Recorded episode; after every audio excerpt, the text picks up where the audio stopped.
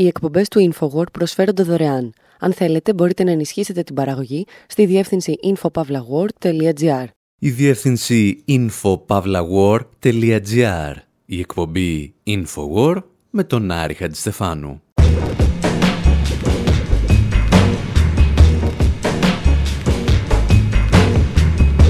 Όπου σήμερα παρακολουθούμε τη σημαντικότερη γιορτή της αρχαίας Ρώμης από την αίθουσα διακυβέρνησης του SS Enterprise στο Star Trek. Αναρωτιόμαστε τι θα κάναμε εάν για 12 ή για 24 ώρες καταργούνταν όλοι οι νόμοι του κράτους. Και απαντάμε, εξαρτάται αν θα ήμασταν σκλάβοι ή αφέντες. Παρακολουθούμε την Αμερικανική ακροδεξιά να στείλει ένα μηχανισμό προπαγάνδας για να χτυπήσει ένα νόμο που θα βοηθούσε στην αποσυμφόρηση των φυλακών. Και αισθανόμαστε ότι το έχουμε ήδη ζήσει στην Ελλάδα. Και ύστερα ξαναμπαίνουμε στη φυλακή με τη βοήθεια του Elvis Presley και του Tom Waits για να θυμηθούμε πόσο εύκολο είναι να την μετατρέψεις σε μια τεράστια μπίζνα για τον ιδιωτικό τομέα.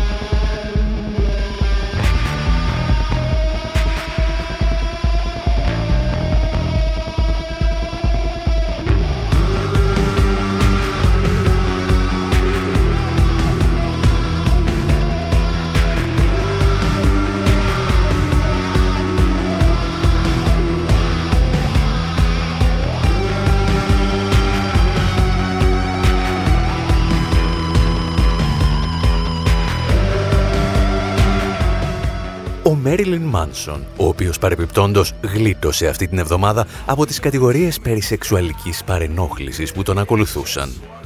Εδώ δηλώνει ότι δεν θέλει να είναι άλλη μια τρύπα από σφαίρα σε εκείνη την πινακίδα του δρόμου που γράφει έξοδος.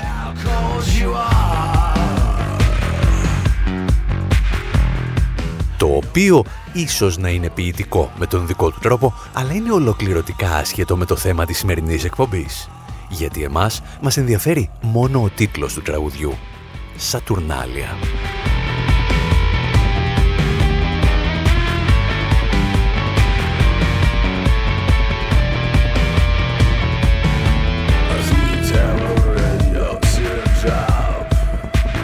Τα Σατουρνάλια ήταν μία από τις σημαντικότερες γιορτές στην αρχαία Ρώμη, η οποία ξεκινούσε στις 17 Δεκεμβρίου προς τιμήν του Θεού Κρόνου.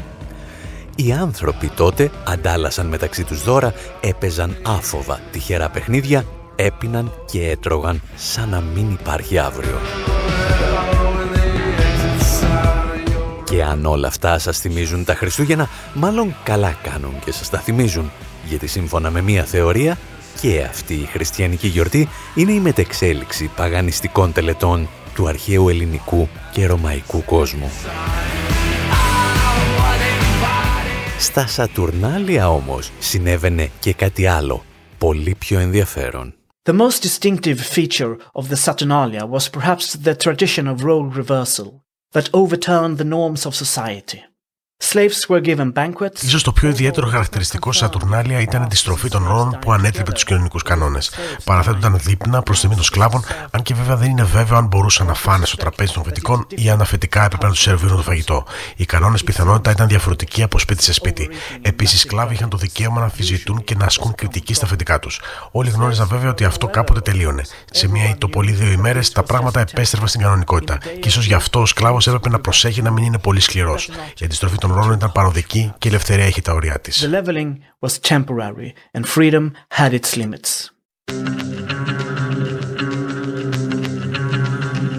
Ο Μάρτεν Έριξον, ο Σουηδός ιστορικός, τον οποίο μόλις ακούσαμε, διατηρεί μερικές επιφυλάξεις για το αν οι σκλάβοι έτρωγαν πράγματι μαζί με τους αφέντες στα Σατουρνάλια. Εμείς όμως ξέρουμε μία άλλη γιορτή στην οποία αυτό συνέβαινε σίγουρα. Τα Σατουρνάλια αποτελούν κατά πάσα πιθανότητα συνέχεια της ελληνικής γιορτής Κρόνια, επίσης προς τιμήν του Κρόνου. Και εκεί αφέντες και σκλάβοι έτρωγαν σίγουρα στο ίδιο τραπέζι. Η γιορτή αποτελούσε μία υπενθύμηση της λεγόμενης χρυσής εποχής, στην οποία δεν υπήρχε η δουλεία. Για μία ημέρα το χρόνο δηλαδή, οι ελίτ αναγνώριζαν ότι κάποτε οι άνθρωποι ήταν ίσοι. Το πρόβλημα είναι ότι καθώς τα χρόνια περνούσαν, η βασική αυτή ουσία της γιορτής ξεχάστηκε. Κάποιοι κατάφεραν να εγγράψουν στο συλλογικό υποσυνείδητο της ανθρωπότητας ότι τα κρόνια και τα σατουρνάλια ήταν απλώς γιορτές ακολασίας, στις οποίες για μία ημέρα καταργούνταν οι νόμοι αλλά και οι ηθικοί κανόνες. Και κάπως έτσι φτάνουμε στα μέσα του 22ου αιώνα, του αιώνα του Star Trek. Space, a final frontier.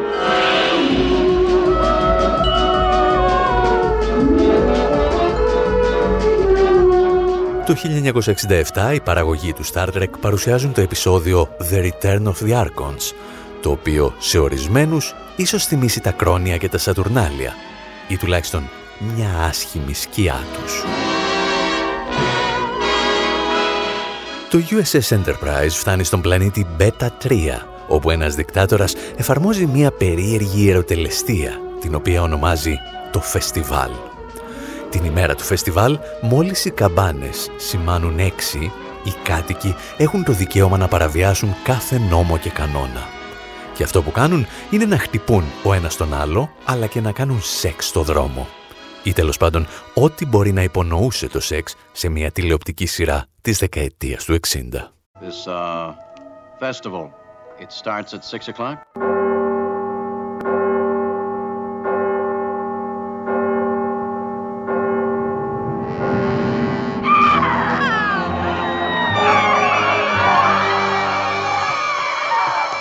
Το συνήθως εξαιρετικό Star Trek περνούσε τότε μία από τις πλέον ψυχροπολεμικές στιγμές του και έβλεπε τον κόσμο μέσα από τον συντηρητικό φακό της βαθιάς Αμερικής.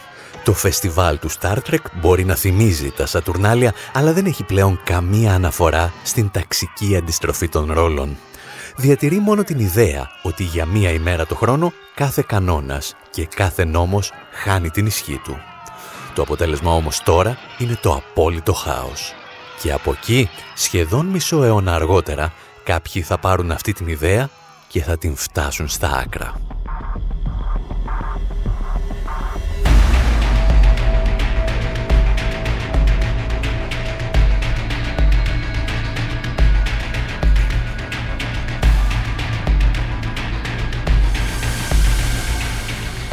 Έχουμε εισέλθει στον κόσμο της κάθαρσης, δηλαδή του The Purge, μια σειρά ταινιών που ξεκίνησαν το 2013 αντιγράφοντας την ιδέα του φεστιβάλ που είδαμε στο Star Trek. Μία φορά το χρόνο οι κάτοικοι των Ηνωμένων Πολιτειών έχουν το δικαίωμα να διαπράξουν όποιο έγκλημα επιθυμούν με την έγκριση και την επίνευση του Λευκού Οίκου. Και όλα κάθε φορά ξεκινούν με την ακόλουθη ανακοίνωση. This is not a test. This is your emergency broadcast system announcing the commencement of the annual purge. Δεν είναι άσκηση. Η Υπηρεσία Πολιτικής Προστασίας ανακοινώνει την έναρξη της ετήσιας κάθαρσης με την υποστήριξη της κυβέρνησης των ΗΠΑ. Κατά τη διάρκεια της κάθαρσης επιτρέπεται η χρήση όπλων κλάσης 4. Τα όπλα μεγαλύτερης ισχύως απαγορεύονται. Οι ανώτατοι κυβερνητικοί αξιωματούχοι έχουν ασυλία από την κάθαρση και κανείς δεν πρέπει να τους πειράξει.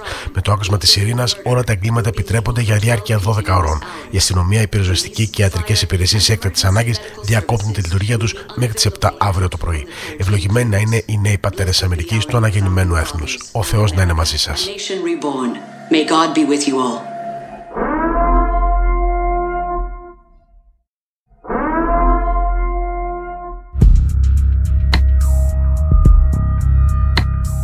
Στις πρώτες ταινίες του Purge, οι δράστες των εγκλημάτων προέρχονταν από διαφορετικές τάξεις. Πολύ συχνά, οι φτωχοί και οι εργάτες ήταν αυτοί που εκμεταλλεύονταν τις 12 ώρες ασυδοσίας για να τιμωρήσουν τα αφεντικά τους και γενικότερα τους πλούσιους. Σταδιακά όμως τα περισσότερα εγκλήματα άρχισαν να αντικατοπτρίζουν τις θέσεις της αμερικανικής άκρας δεξιάς.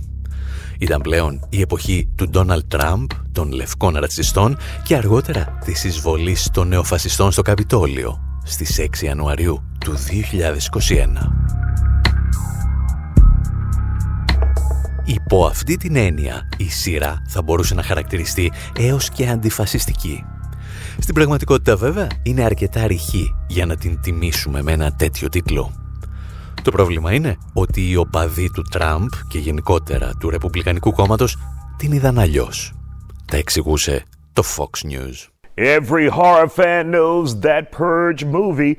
Those films explore a frightening concept where any and all crimes is legal. Κάθε φανατικός τηλεθεατής μπορεί να αναγνωρίσει τις ταινίε της σειράς Purge και το γνωστό σενάριο που παρουσιάζουν. Όλα τα εγκλήματα επιτρέπονται στις ΗΠΑ και η αστυνομία δεν παρεμβαίνει.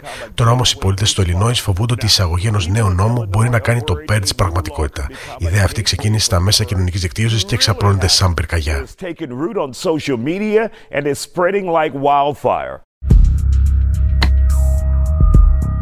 Στην πραγματικότητα, όπως συμβαίνει συνήθως, αυτή η φήμη δεν ξεκίνησε στα social media, αλλά σε γραφεία πολιτικών και δημοσιογράφων.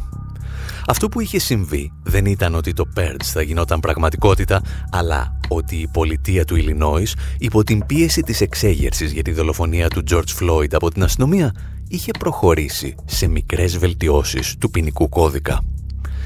Και αν αυτό σας θυμίζει την μαζική ιστερία της ελληνικής ακροδεξιάς για τον νόμο Παρασκευόπουλου, θα εξηγήσουμε ότι καλά κάνει και σας το θυμίζει ύστερα από αυτό.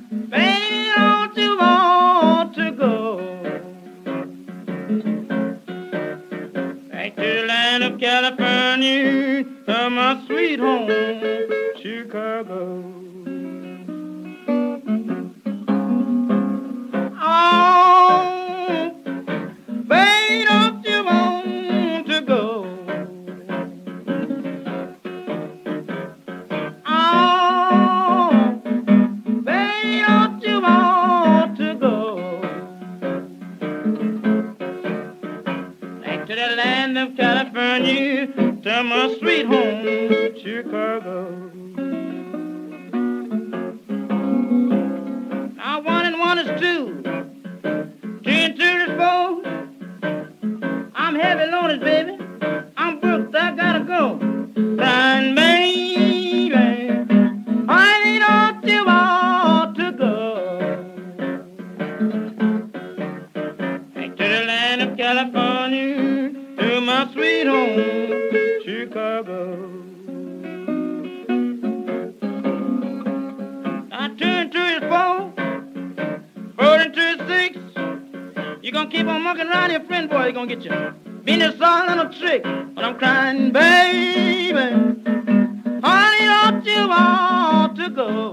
Εκπομπή Infowar με τον Άρη Χατζηστεφάνου περάσαμε από τα Σατουρνάλια της αρχαίας Ρώμης στο Star Trek και από εκεί μεταφερθήκαμε στο Σικάγο του Ιλινόης όπου τους τελευταίους μήνες στήθηκε μία από τις μεγαλύτερες επιχειρήσεις παραπληροφόρησης της κοινής γνώμης. Κάποιοι προσπαθούσαν να πείσουν τους κατοίκους ότι αν βελτίωναν λίγο τον ποινικό κώδικα για να σεβαστούν τα δικαιώματα των υπόπτων αλλά και των κρατουμένων, η πολιτεία θα βυθιζόταν στο χάος. Για την ακρίβεια, ρεπουμπλικάνοι εξωματούχοι ανέφεραν ότι αν κάποιος έμπαινε στο σπίτι σου, η αστυνομία δεν θα είχε το δικαίωμα να τον απομακρύνει. Έλεγαν επίσης ότι με το νέο νόμο θα αποφυλακιστούν όλοι οι δολοφόνοι και οι βιαστές από τις φυλακές και ότι οι αρχές δεν θα μπορούν να προφυλακίζουν κανέναν κατηγορούμενο όσο επικίνδυνος κι αν ήταν. Αυτό το αίσθημα του ντεζαβί που αισθάνεστε προκύπτει από το γεγονός ότι με τον ίδιο τρόπο αντιμετώπισε και η ελληνική ακροδεξιά τις αλλαγές του νόμου Παρασκευόπουλου για την αποσυμφόρηση των φυλακών. Στην Αμερική η παραπληροφόρηση γινόταν από τρόλ του διαδικτύου και από δημοσιογράφους του Fox News. στην Ελλάδα γινόταν από τρόλ του διαδικτύου και από δημοσιογράφους γενικά. Αν και ορισμένοι από αυτούς αναγκάστηκαν να ζητήσουν συγνώμη υπό την πίεση φυσικά μηνύσεων. Με αφορμή την συζήτηση και την υπόθεση Λιγνάδη στην εκπομπή στις 14 Ιουλίου Μάλιστα. Ε, τρέχοντος έτους, εκ παραδρομής έκανα αναφορά στον νόμο Παρασκευόπουλου και τον οποίο και ανακαλώ αυτή την αναφορά μου. Μάλιστα. Επί Υπουργείας Παρασκευόπουλου δεν έχει περάσει νόμος ο οποίος να συνδέεται με το ανασταλτικό αποτέλεσμα ε, σε εφέσεις κατηγορουμένου. Να διορθώνουμε. Παραμόνον, λοιπόν. παραμόνον η κα, κατόπιν όρων αποφυλάκηση κρατουμένων, κάτι το οποίο δεν αφορά φυσικά στην περίπτωση Λιγνάδη.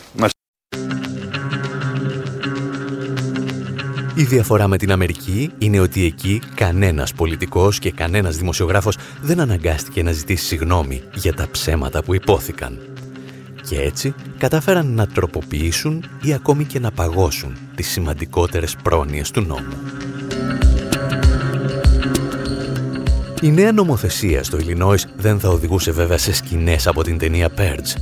Απλώς θα βελτίωνε λίγο τις απάνθρωπες συνθήκες στις φυλακές και θα έδινε στους δικαστές τη δυνατότητα να μην προφυλακίζουν ανθρώπους εάν αυτοί δεν ήταν επικίνδυνοι για το κοινωνικό σύνολο.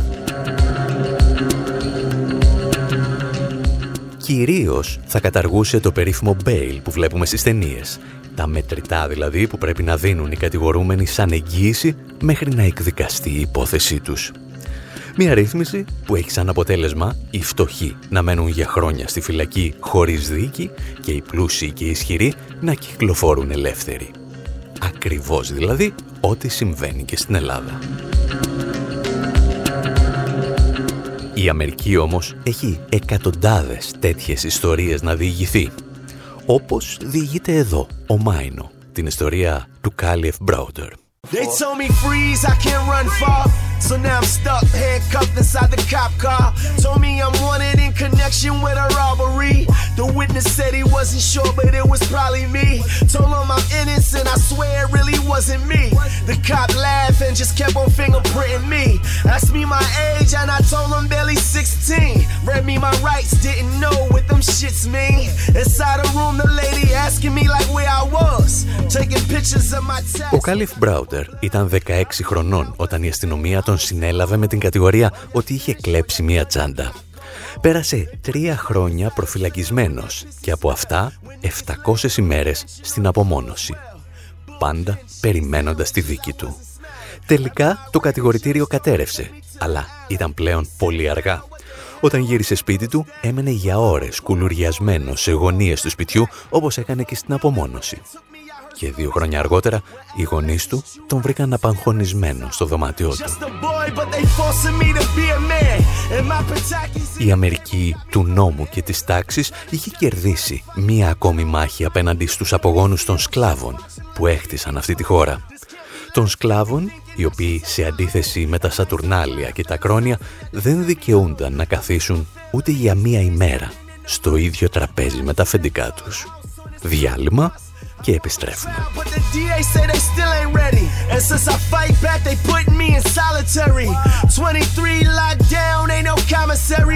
Write letters, stand strong, mama, don't you worry. I feel trapped, got me living what I might say. I feel darkness in this cage where the lights at. Counting the bricks on the wall, think I lost my mind. I can't take it lately, contemplating suicide. I can't believe I've been here and three years past. All charges dropped, finally being free at last. My whole family is happy that I'm finally back. But what they took from me, I am never getting back.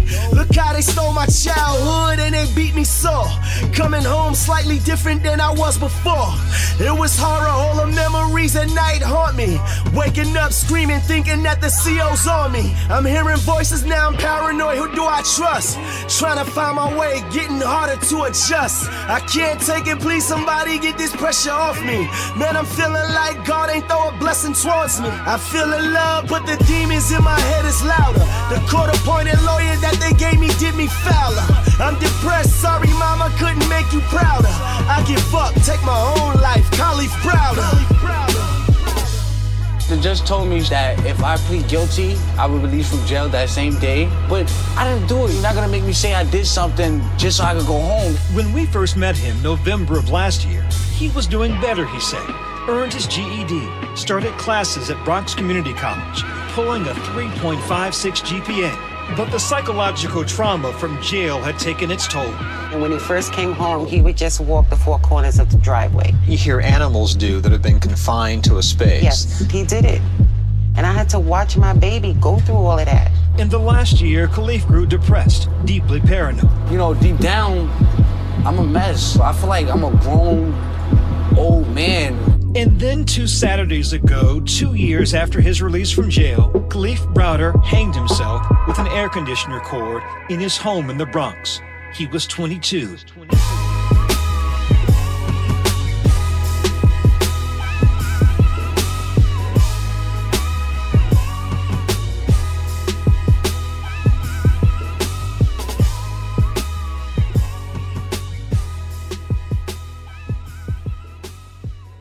Οι εκπομπές του InfoWord προσφέρονται δωρεάν. Αν θέλετε, μπορείτε να ενισχύσετε την παραγωγή στη διεύθυνση infopavlagor.gr. Εκπομπή InfoWord, μέρος δεύτερο. Όπου σήμερα μπαίνουμε στο κλουβί με τους τρελούς των Ηνωμένων Πολιτειών. Παρακολουθούμε τι μπορεί να συμβεί σε μια χώρα εάν ορισμένοι εργολάβοι αποφασίσουν να ιδιωτικοποιήσουν τις φυλακές, ενώ παράλληλα η κυβέρνηση διαλύει το κράτος πρόνοιας.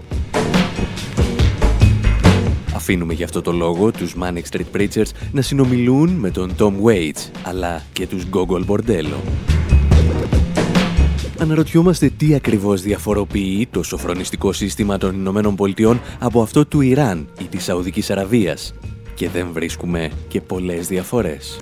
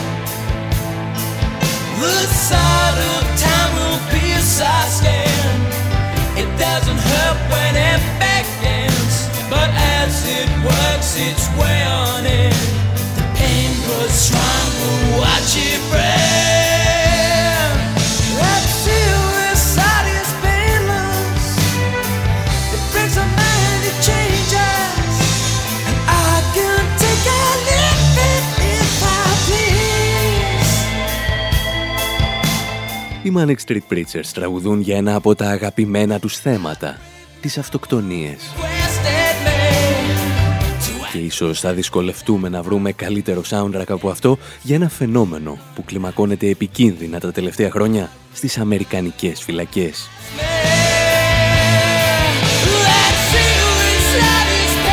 Πριν από μερικούς μήνες, ένας κρατούμενος βρέθηκε απαγχωνισμένος στο κελί του σε φυλακές της Καλιφόρνιας Δίπλα του υπήρχε ένα σημείωμα που εξηγούσε τους λόγους της πράξης του. Το πόρισμα των αρχών, δολοφονία. Σύμφωνα με καταγγελίες ανθρωπιστικών οργανώσεων, οι Αμερικανικές αρχές προσπαθούν τα τελευταία χρόνια να αποκρύψουν το κύμα αυτοκτονιών που μαστίζει το λεγόμενο σύστημα σοφρονισμού των Ηνωμένων Πολιτειών. Παρ' όλα αυτά, το φαινόμενο είναι υπαρκτό και έχει μια πολύ συγκεκριμένη αιτία. Μια αιτία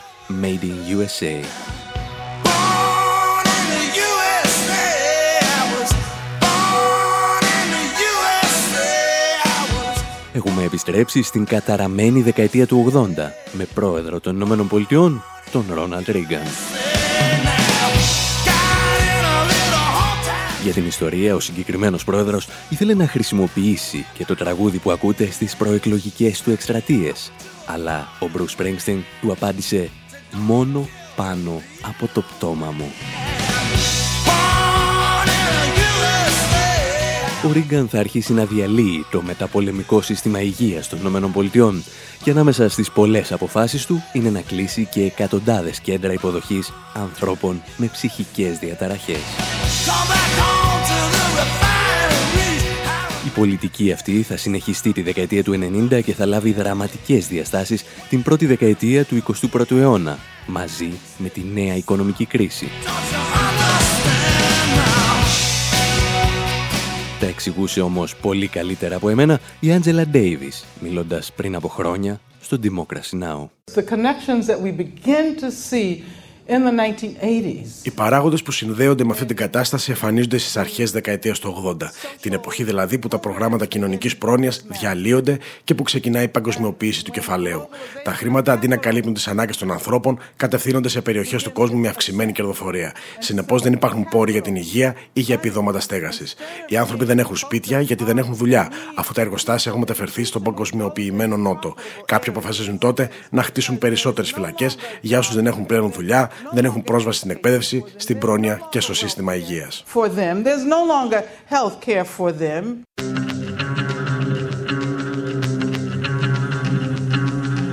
Όπως είπαμε, μαζί με τα προγράμματα κοινωνικής πρόνοιας κλείνουν και τα κέντρα υποδοχής ανθρώπων με ψυχικές διαταραχές. Το αποτέλεσμα, χιλιάδες άνθρωποι που χρειάζονται ψυχολογική και ψυχιατρική βοήθεια βγαίνουν στους δρόμους και πολλοί από αυτούς καταλήγουν σε κάποια φυλακή. Οι φύλακες δεν έχουν ούτε τη γνώση, αλλά ούτε και την πρόθεση να τους βοηθήσουν και συχνά τους οδηγούν στην απομόνωση. Και εκεί η αυτοκτονία φαντάζει πλέον σαν μια πολύ καλή ιδέα. Μόνο που αυτή τη φορά έρχεται στην πολύ πιο σκοτεινή εκτέλεση του Μέριλεν Μάνσον.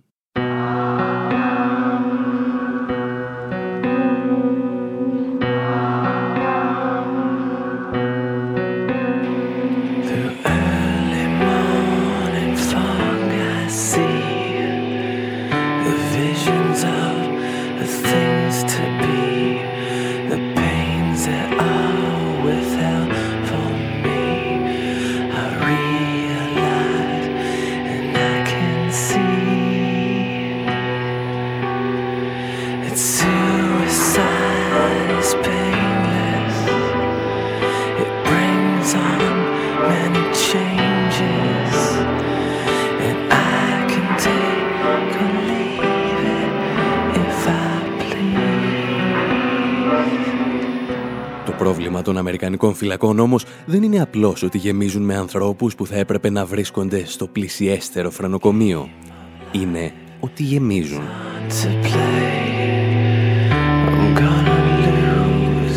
Οι Ηνωμένες Πολιτείες έχουν σήμερα 2,3 εκατομμύρια ανθρώπους πίσω από τα κάγκελα και εκατομμύρια άλλους υπό αστυνομική εποπτεία. Ο συνολικός αριθμός των κρατουμένων τα τελευταία 35 χρόνια αυξήθηκε κατά 700% παρά το γεγονός ότι τα επίπεδα εγκληματικότητας παρέμειναν στάσιμα και σε ορισμένες περιπτώσεις μειώθηκαν. Όπου και αν ψάξετε, από το Ιράν μέχρι τη Σαουδική Αραβία και από τη Βόρεια Κορέα μέχρι την Κίνα δεν υπάρχει κανένα καθεστώς που να έχει τόσους κρατούμενους όσο η μητέρα του σύγχρονου καπιταλισμού.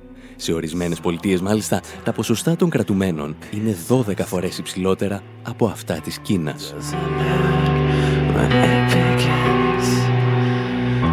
Και το ερώτημα είναι, τι τους κάνεις τόσους φυλακισμένους;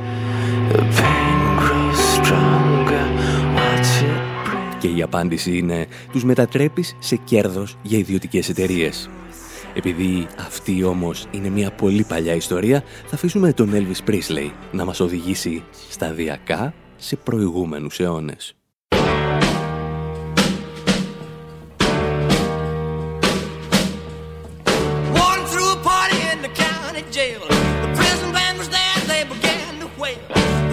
jumping and the joint began to swing. You should have heard this knocked out jailbird sing that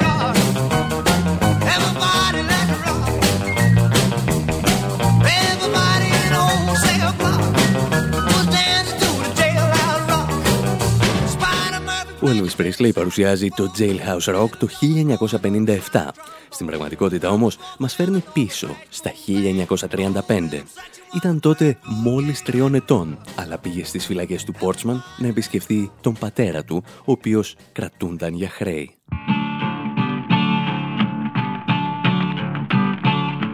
Just give me life this morning down on Parchment Falls. Just give me life this morning down on Parchment Falls. I would hate it so bad, but I left my wife and mom. Εκεί θα βγάλει την πρώτη του φωτογραφία και εκεί θα ακούσει για πρώτη φορά τα blues. Τραγούδια γραμμένα στις συγκεκριμένες φυλακές όπως το Portsman Farm Blues του Booker White. Oh, goodbye, wife. All you have done gone, but I hope someday. Τα blues των φυλακών είναι παλιά όσο και η κατάργηση της δουλείας, γεγονός που μας φέρνει πίσω στη δεκαετία του 1865. Οι Ηνωμένες Πολιτείες έχουν μόλις καταργήσει τη δουλεία με την 13η τροποποίηση του συντάγματος. Χιλιάδες απόγονοι των σκλάβων όμως συνεχίζουν τη ζωή τους στις φυλακές. Και αυτές με τη σειρά τους τους μισθώνουν σε ιδιωτικές εταιρείες που τους χρησιμοποιούν για καταναγκαστικά έργα. Listen, you men, I don't mean no. Στην Αμερική του 19ου αιώνα λοιπόν, ο Σερίφης είχε κάθε λόγο να κλείνει στη στενή όσους περισσότερους μπορούσε, αφού στη συνέχεια θα τους νίκιαζε σε εταιρείες. We go to work in the morning. Αυτά βέβαια συνέβαιναν μέχρι τις αρχές του 20ου αιώνα. Ή μήπως όχι. Θα απαντήσουμε ύστερα από ένα μικρό διάλειμμα με τον Tom Waits να ισχυρίζεται ότι μπορεί να δραπετεύσει από το κελί του χρησιμοποιώντας μόνο ένα ψαροκόκαλο.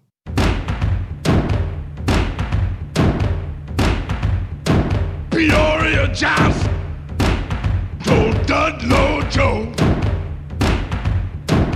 I can break out of any old jail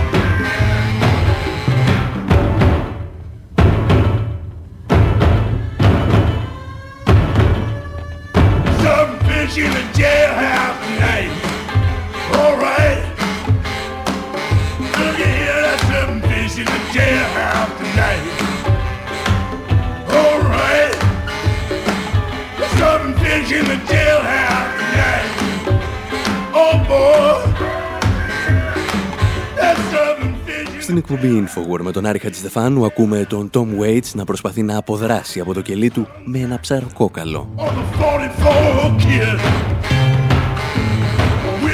Το πρόβλημα για τη σημερινή Αμερική είναι ότι δεν σερβίρουν πολύ συχνά ψάρι. Και όπως μας εξηγούσε εδώ και χρόνια το Democracy Now, οι αμερικανικές φυλακές γέμισαν. A new report has found that a record 1 in 100 American Νέα έκθεση αποκαλύπτει ότι ένας στους 100 ενήλικες Αμερικανούς βρίσκεται στη φυλακή. Σύμφωνα με το κέντρο ερευνών Pew, οι κρατούμενοι αυξήθηκαν κατά 25.000 παρά το γεγονός ότι η εγκληματικότητα μειώθηκε. Το ποσοστό των μαύρων γυναικών που βρίσκονται στη φυλακή είναι 1%. Αντίστοιχα, μόνο μία στις 350 λευκές γυναίκες είναι στη φυλακή. Στη φυλακή βρίσκονται επίσης ένας στους 15 μαύρους και ένας στους 36 Ισπανόφωνους. Οι Ηνωμένες Πολιτείες έχουν το υψηλότερο ποσοστό κρατουμένων σε ολόκληρο τον πλανήτη, καθώς τουλάχιστον 2,3 εκατομμύρια άνθρωποι βρίσκονται στη φυλακή. the highest rate of prisoners in the world, with more than 2.3 million people behind bars. Οι φυλακές λοιπόν γεμίζουν. Ευτυχώς που σήμερα δεν πουλάμε τους κρατούμενους σε ιδιωτικές εταιρείες όπως συνέβαινε στην Αμερική του 19ου αιώνα. Ή μήπως το κάνουμε και αυτό. Όπως εξηγούσε ο Αμερικανός ερευνητής Σικάν, εδώ και δεκαετίες το σοφρονιστικό σύστημα των Ηνωμένων Πολιτειών ιδιωτικοποιείται. Και το τι σημαίνει αυτό, καλύτερα να σας το πει ο ίδιος. Private corporations build prisons in a cornfield somewhere. And then they go out looking for people to put in that prison. Υπάρχουν ιδιωτικές επιχειρήσεις που κτίζουν φυλακές σε απομακρυσμένε εκτάσεις και ύστερα αναζητούν ανθρώπους για να γεμίσουν αυτές τις φυλακές ώστε να έχουν κέρδος. Νομίζω σε αυτό το σημείο ξεπερνάμε κάθε όριο ανθρωπισμού. Νομίζω υπάρχουν ομοιότητε με την εξωτερική μας πολιτική, την πολιτική μας στο Abu Ghraib και όλα τα σχετικά. Πρόκειται για κατάφορη παραβίαση των ανθρωπίνων δικαιωμάτων. Και όμως πρόκειται για ενδυμικό φαινόμενο. Στη χώρα μας, 120.000 άνθρωποι βρίσκονται στη φυλακή προσφέροντας κέρδη σε εταιρείες. People in our country are imprisoned for profit.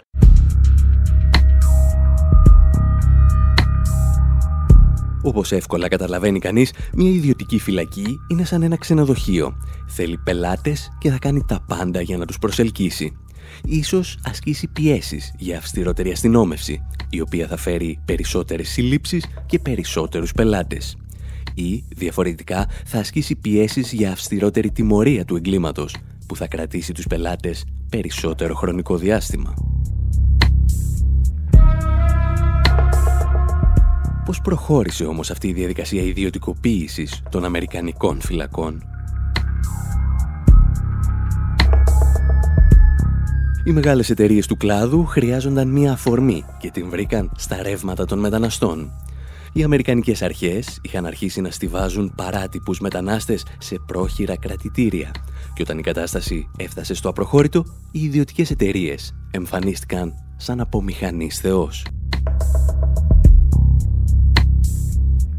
Με αυτόν τον τρόπο, μέσα σε λίγα χρόνια, δημιουργήθηκαν στις Ηνωμένες Πολιτείες ιδιωτικοί κολοσσοί, όπως η εταιρεία CCA. Μία μόνο εταιρεία που έχει σήμερα 81.000 κρατούμενους, που τις αποφέρουν ετήσιο τζίρο 1,7 δισεκατομμύριο δολάρια.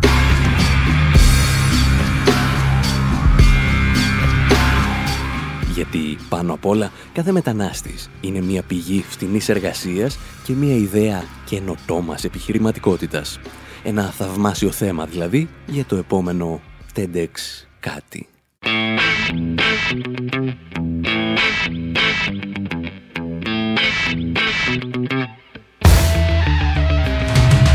Emigrant, immigrant, immigrant punk. Emigrada, emigrada, emigrant punk.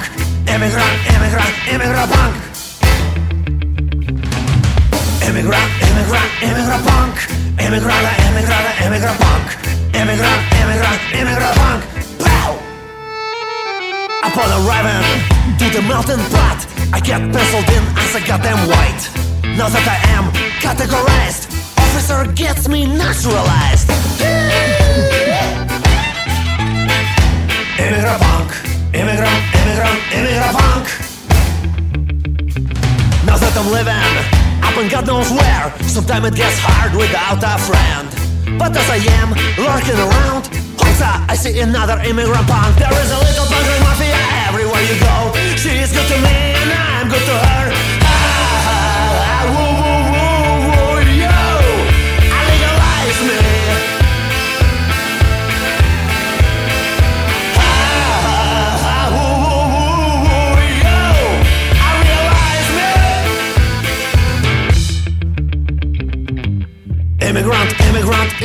Στην εκπομπή Infowar μαθαίνουμε πως η καταπάτηση των ανθρωπίνων δικαιωμάτων των μεταναστών μπορεί να μετατραπεί σε μια προσοδοφόρα μπίζνα για ιδιωτικές εταιρείες και ένα όχημα για την ιδιωτικοποίηση ολόκληρου του σοφρονιστικού συστήματος.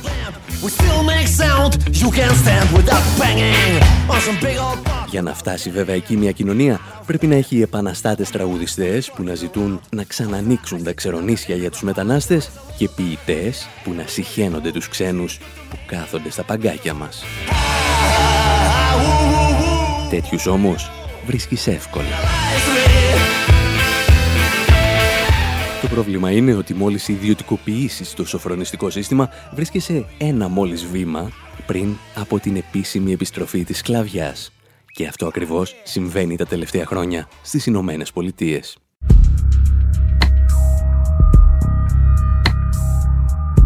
Από το 2011 το πανίσχυρο λόμπι των φυλακών πέρασε από τη γερουσία νομοθεσία που επιτρέπει σε αμερικανικές εταιρείες να χρησιμοποιούν πολύ πιο εύκολα τους κρατούμενους σαν μισθωτούς σκλάβους. Έτσι, εταιρείες όπως η Microsoft και τα Starbucks άρχισαν να προσλαμβάνουν κρατούμενους, οι οποίοι εργάζονται με μισθούς που ξεκινούν από 23 cents του δολαρίου. Το καλό με τους συγκεκριμένους εργαζόμενους είναι ότι έχουν πολύ σταθερό ωράριο. Δεν απεργούν και κυρίως δεν εξεγείρονται, γιατί σε αυτή την περίπτωση τους σκοτώνουν οι φύλακες. Είναι δηλαδή το πρότυπο του εργαζόμενου του 21ου αιώνα. Απλώς τον αφήνεις να δουλεύει και δεν χρειάζεται ούτε να εξαγοράζεις κυβερνήσεις για να προχωρούν σε επιστράτευση, ούτε να πληρώνεις παπαγαλάκια για να τον διαβάλουν στα νυχτερινά δελτία ειδήσεων. Είναι εκεί για σένα, γιατί δεν μπορεί να είναι πουθενά αλλού. Αυτές τις ιστορίες όμως μπορείτε να τις διαβάσετε αν θέλετε με περισσότερες λεπτομέρειες στο site μας στη διεύθυνση infopavlawar.gr Εκεί όπου θα βρείτε και όλες τις παλαιότερες εκπομπές του Infowar αλλά και πολλά άλλα.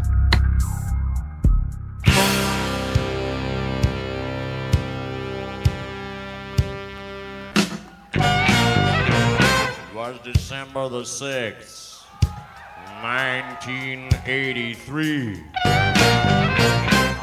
Μέχρι την επόμενη εβδομάδα πάντως, από τον Άρη Χατζηστεφάνου στο μικρόφωνο, τον Ανδρέα Κοσιάρη στις μεταφράσεις και τον Δημήτρη Σταθόπουλο στην τεχνική επιμέλεια, γεια σας και χαρά σας. in my cell. I heard a whistle blow, then I heard somebody yell.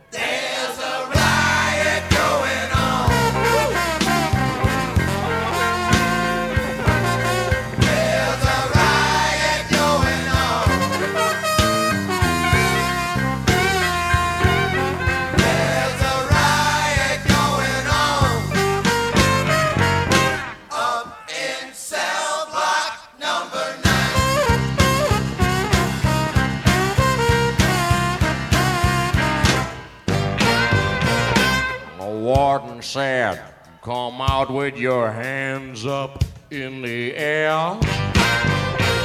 If you don't stop this riot, you're all gonna get the chair. Scarface Jones said it's too late to quit. Pass the dynamite, don't you give me any shit.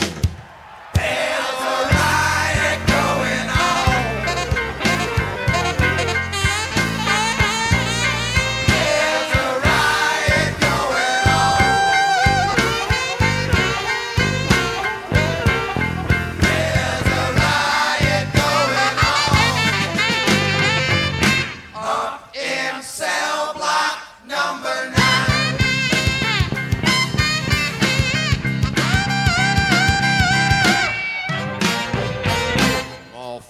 seventh hour. The nerve gas got our men. We're all back in ourselves, but every now and then, there's a ride.